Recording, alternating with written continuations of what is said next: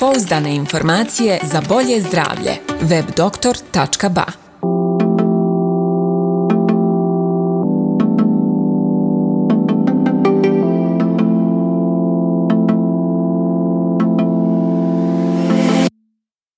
Koji 19 je bolest koju izaziva virus SARS-CoV-2. Mislim da to već sad svi Znamo da je bilo puno priloga ovaj, na televiziji, radio, da, su, da je građanstvo upoznato. Danas medicina o, o virusu zna puno više, naravno prije godinu dana kad smo mi u Europi i Bosni i Hercegovini prvi puta jel, došli u doticaj sa virusom. Za ovih godinu dana virus se dramatično proširio po cijelom svijetu, prošlo je milijone e, domaćina, tako da je imao milijone prilika da mutira. Upravo zbog toga imamo sad pojavu i ovog britanskog soja koji je vjerovatno odgovoran za ovaj treći val epidemije u Bosni i Hercegovini. Imamo u Južnoj Americi i brazilski soj za kojeg se nadam da neće nikad doći na područje Europe jer e, može reinficirati ljude koji su prvi puta obolili vrlo brzo. Imamo južnoafrički soj na koji ne djeluju određene vakcine tako da e, e, i virus se sam promijenio za ovih godinu dana kao, kao i mi. još uvijek nemamo drugog lijeka osim vakcini. Dakle, ono što smo podcrtavali od početka pandemije, svi zdravstveni radnici, a to je dakle da će e, vakcina kao i kod svih drugih virusnih bolesti biti glavni način na koji ćemo se boriti preko, protiv e, ove pandemije koju svi trebamo smatrati u stvari kao elementarnu uh, nepogodu.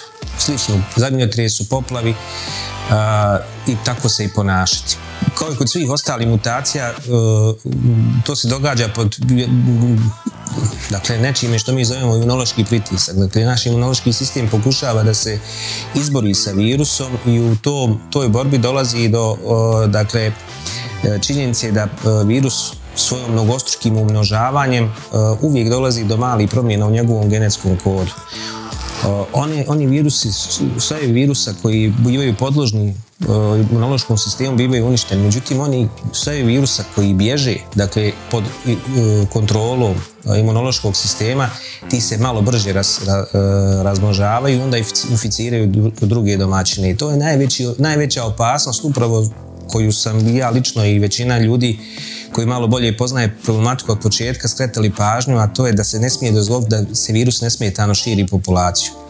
A, engleski soj je nastao e, zato što je do, dozvoljena e, nesmetano širenje u Engleskoj. Ja očekujem pojavu švedskog soja već sam spomenuo brazilski so, američki, dakle sve one zemlje gdje je dozvoljeno virusu da se nesmetano širi u populaciji, u tim zemljama je došlo do pojave dakle upravo ovakvih e, mutacija koje su obično infektivnije i nerijetko opasnije za naše bolesnike.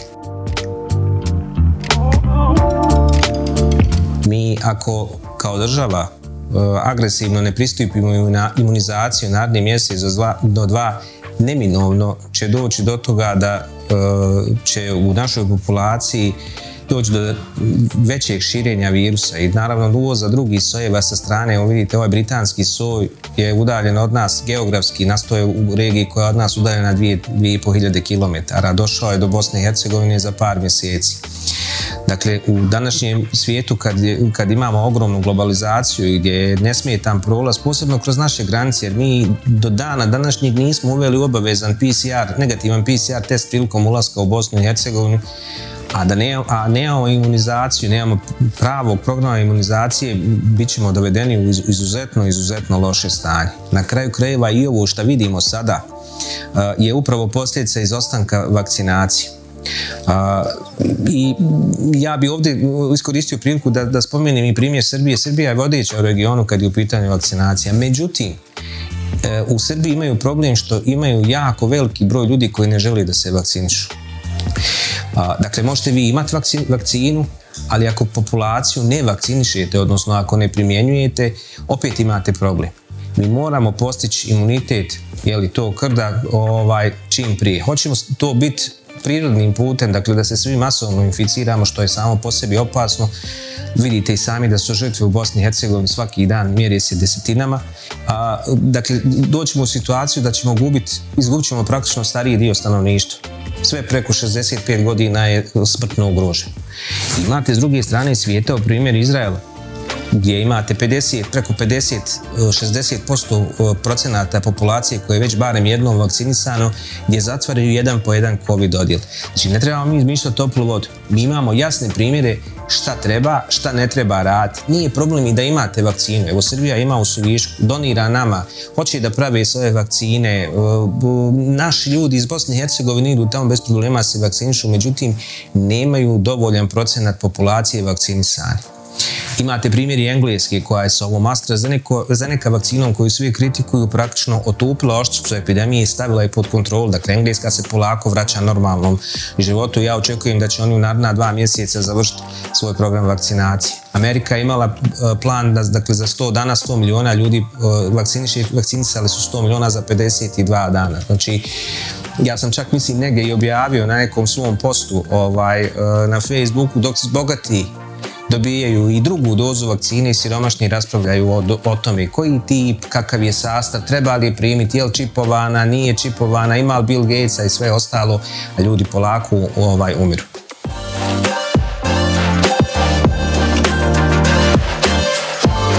Ovo je tektonski poremećaj. Znači, nešto što se generacijski događa i mi ćemo posljedice ove pandemije na svjetskom nivou osjećati sigurno još ovaj godinama. Neće biti lako. Međutim, ovaj, e, u svemu ovome najbitnije je zadržati koliko toliko hladan e, um. Dakle, ne panči tu, ovaj, u svemu ovome mm, uvijek nakon velikih kriza, obično, barem historijski gledan, dolaze periodi nekakvog progresa, poboljšanja.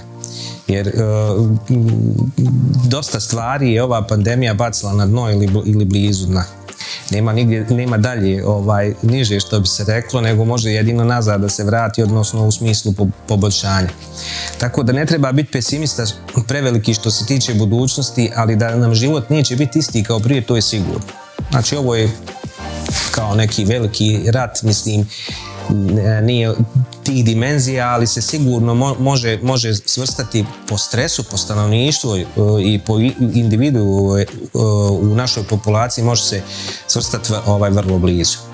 Dakle, e, najbitnije je i čvrsto zagovaram ovaj, tu strategiju bilo koji problem kad se razloži na manje je lakše ga je progutati. Dakle, korak po korak rješavati jedan po jedan problem, ovaj, ići naprijed a ovo što sve ostalo ostaviti za nas, brate mili, ako Bog da i, to, i to ćemo, i ovo ćemo riješiti. Jer medicina napreduje, već imamo niz vakcina, ja sam uvjeren da, da ćemo mi do kraja ove godine sigurno ovo staviti pod kontrolu. E, svi mi moramo shvatiti da je e, medicinska pomoć u ovakvim uslovima manje je dostupna i manje je kvalitetna nego što je to uobičajeno.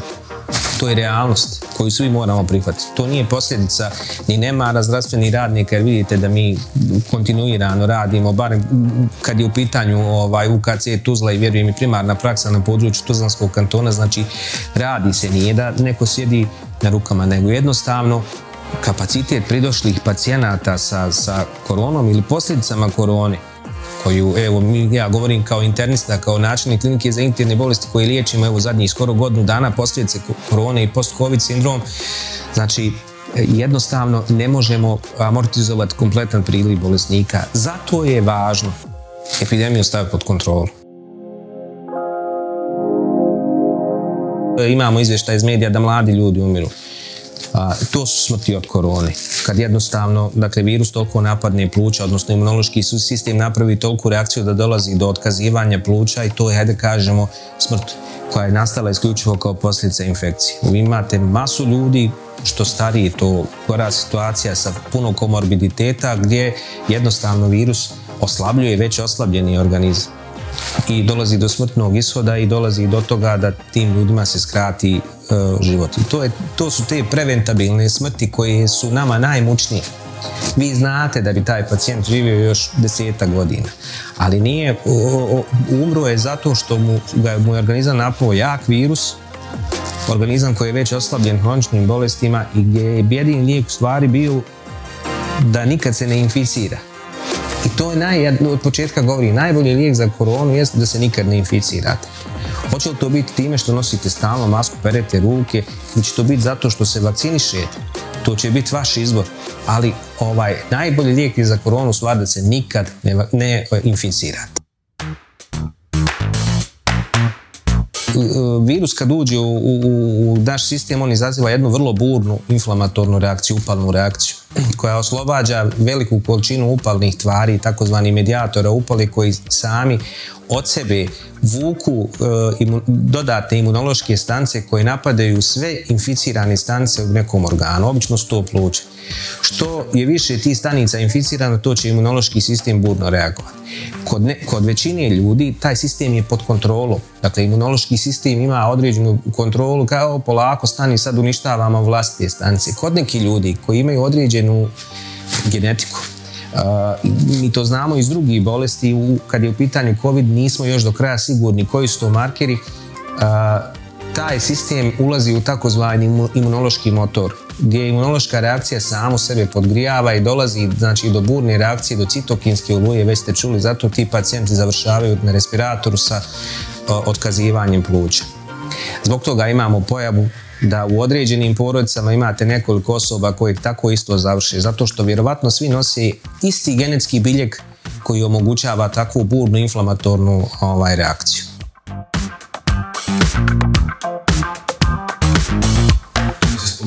da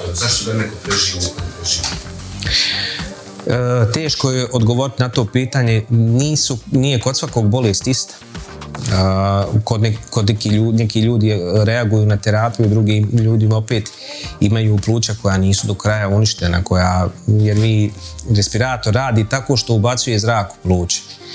Ako vi u plućima imate uništavanje tkiva, uništavanje tih alveola, možete vi ubacivati taj zrak do ostra ako on ne prolazi u krv.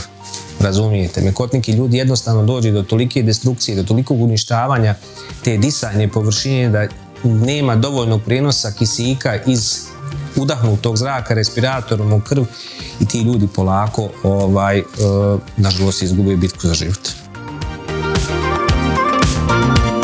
Gripa nije toliko teška bolest kao korona, teško je natjera čitavu populaciju da nosi masku zbog gripe, ali e, virus gripe kao i virus COVID-19 je respiratorni virus. S tim da postoji velika razlika. Koeficijent onaj prijenosa kod korone je između 2 i 3. Kod gripe je 1,1 do 1,2, maksimalno do 1,5 kod, vrlo invazivnih e, formi. I nošenje maske, e, pranje ruku je sasvim dovoljna mjera da u potpunosti ugasi bilo kakvu epidemiju gripe. E, mi smo znali prije nego što će početi sezona ovaj, gripe u, u Bosni i Hercegovini, jer kalendarski ona počne od oktobra, da je neće biti jer smo imali, smo imali takve izvještaje iz Australije, sa južne ovaj, polulopti koliko ja znam, nije bio u tokovi sezone registrovan jedan slučaj e, influencije u Bosni i Hercegovini, što pokazuje dakle, da ljudi kad se čuvaju mogu se ovaj, sačuvati od influencije. Tako da ovaj, to uopšte nije iznenađujuće i samo isključivo rezultat epidemioloških mjera koje su na snazi. Dakle, distanca, pranje ruku, nošenje maske, ovaj, e, zabrana okupljanja i, sve ostalo. Naravno, e, sama težina gripe kao bolesti ne bi bila e, dovoljna da opravda sve ove mjere. Korona je nešto drugo. Znači, ona je značajno smrtonosnija u odnosu na influencu i to je to. Postoji organski sistem koji ne može biti zahvaćen ovom bolešću ovo je prije sistemska inflamacija, sistemska upala nego da je lokalizirana. Pluća su obično prva meta zato što su ulazno mjesto infekcije, ali, se zbilja radi o sistemskoj bolesti. što se tiče naših ljudi, ja ne bi savjetovao uzimanje bilo kakvih antibiotika bez konsultacije sa, ovaj, e, samim ljekarom. Ono što bi svakako preporučio jeste da e, naši pacijenti Znamo da D vitamin pomaže u dozama oko 2000 jedinica na dan, barem 10 dana. Znamo da pomaže C vitamin. Znamo da donekle ima ovaj, pomoći kad je u pitanju ovaj, selen. Bitna je dobra rehidracija, temperaturu skidati ovaj, sa paracetamolom, ali ne previše. Najbolje kombinovati paracetamol, na primjer, sa nekim drugim antipiretikom kao što je na primjer analgin. Brufen se može dati kod mlađih ljudi u iznimnim slučajevima da sad ovo ne bude savjet ovaj, e, za liječenje. U slučaju da e, dakle, temperatura se održava, da postoje kod pojave kašlja obavezno je napraviti rengen pluća, nakon čega će ljekar odlučiti da li je potrebno davati antibiotik ili kortikosteroide. Znam da ljudi znaju kod kuće uzmati deksazon, što bi ja ni u kom slučaju ne bi ovaj savjetovao da se uzima rutinski jer se radi o vrlo opasnoj terapiji, da, najbolje da to bude ovaj pod, pod, pod liječničkom kontrolom. Koliko god je moguće, bitno je sačuvati pribranost. Znate, vi kad ste uplašeni, kad pustite adrenalinu ovaj, u krvotok, onda vam imunitet još gore ovaj, djeli. Uh, bitno je da, da svi znamo, znači od 100 oboljelih od korone, njih 80 će proći sa lakšim do srednjim oblikom. Od ovih 20 koji, preostanu, njih, govorim sad svjetske statistike, njih 10 će možda biti za bolnicu, 5 sigurno. A preostali 5 će biti vrlo blizu ovaj respirator koji ćete dio vi statistike biti zavisi od toga koliko ste stari, svi koji su preko 55 godina su udruženi. Imate, ko, imate li komorbiditeta, da li ste uh, imate oslabljen imunitet i tako dalje i tako dalje. Dakle, to su sve različiti faktori koji se mogu, moraju uzeti, da li ste gojazni, da li ste pušač, izgleda da pušenje protektivno na neki način djeluje. Jer jako mali, manji, broj, manji broj pušača nam završi ovaj, na respirator, to smo primijetili. Vjerovatno zbog toga što je već aktiviran imunološki sistem u plućima pa se malo drugačije, e, bolje se, bolja je ta kontrola imunološkog sistema ovaj, e, nad virusom. Dakle, ima tu jako puno faktora i nadilazi dakle, ovaj današnji naš intervju i sve to treba ostaviti za medicinsku procjenu i nije nešto što, što bi trebalo da bilo kome služi kao pravilo kako da se liječi i, i u koju grupu sebe da svrsta. Mi moramo imati 70 posao minimalno ljudi koji imaju antitijela. Hoće li ta antitijela biti zbog, zato što su prebolili koronu ili zbog toga što imaju vakcinu uh, s epidemiološkog stanovišta je potpuno nevažno. Uh, ja znam i prije pa- pandemije kad počnete s nekim da razgovarate o vakcinama, to je ko da pričate o religiji. Svako ima svoj stav koji je duboko ukorijenjen i vjeruje u to isto kao da se radi, opet kažemo, religiji. Dakle, nema tu nikakve religije, to je ljudi čista nauka. Zamislite da uđete u avion i prije nego što poletite otvorite pilotsku, pilotsku kabinu i počnete pričati pilotu kako niste sigurni da mu ti instrumenti rade, niste sigurni hoće li motor niste sigurni hoće li letiti, tu niko živi ne radi. Zašto? Zato što vjerujete onom pilotu da zna svoj posao i da će vas dovesti iz, iz jednog mjesta u drugo. I tako se nekad mi ljekari osjećamo kad ljudi koji problematiziraju vakcine počnu objašnjavati. Dakle, to su sve fragmenti znanja koji su vješto uklopljeni od strane nekih, e, neću reći portala, ali ljudi koji, koji, koji propagiraju boru protiv vakcina da bi to izgledalo kao neka naučna istina, u stvari radi se o kvazi nauci ili pseudonauci. Vakcine su odgovorne za E, spašavanje života stotina miliona ljudi u prošlom vijeku. Mi smo iskorijenili e, bolesti koje, su harale čovečanstvom, od dječje paralize preko difterije, velikog kašlja pa, pa, nadalje. Ovo sad što nam se događa, događa nam se zato što nemamo vakcinu za neku virusnu bolest. Ako ikome treba ikakav dokaz da li su vakcine potrebne ili nisu, evo ova pandemija je e, dakle, fantastičan dokaz. Ako nemaš vakcine ili ćeš oboliti, ćeš čitav život provesti u kući nosajući masku. Jel da, li ljudi tako želi da žive? Ja ne želim. Ja hoću, pogotovo što, što imamo stvarno dobre na tržištu, dobre vakcine i AstraZeneca i Pfizer i Moderna i Sputnik i Sinopharm. Ja iskreno mislim da će sve te vakcine biti odobrene na svjetskom nivou, da ćemo mi svi moći putovati. Bitno je da imate antitijela koja su vam dospjela u organizam na neki način i da to možete pokazati kad budete htjeli sutra da putujete van ove zemlje. E, želio bih se zahvaliti na pozivu na svemu i još jednom ovaj, e, sam bih htio uputiti poruku svima onima koji gledaju. Ja znam da, da vam je strpljenje na granici, ja znam da, da vam je korone, epidemije dođe. Vjerovatno vam je dosta i nas koji pričamo o ovome, ali ovaj, e, naša dužnost ljekara je prvenstveno u prevenciji. Sve ovo shvatite samo kao želju da se što veći broj e, potencijalno oboljeli prevenira kako bismo mi smanjili dolazak pacijenata u bolnice kako bismo imali priliku da pružimo zdravstvenu pomoć svima onima kojima je neophodna, a ne da sve resurse upotrebljavamo ovaj, za liječenje ove pandemije. Hvala vam svima koji, koji poslušaju i pogledaju ovo, a oni koji, koji e, imaju drugačije mišljenje, prihvatam i vaše drugačije mišljenje, nadam se da ćete ga promijeniti.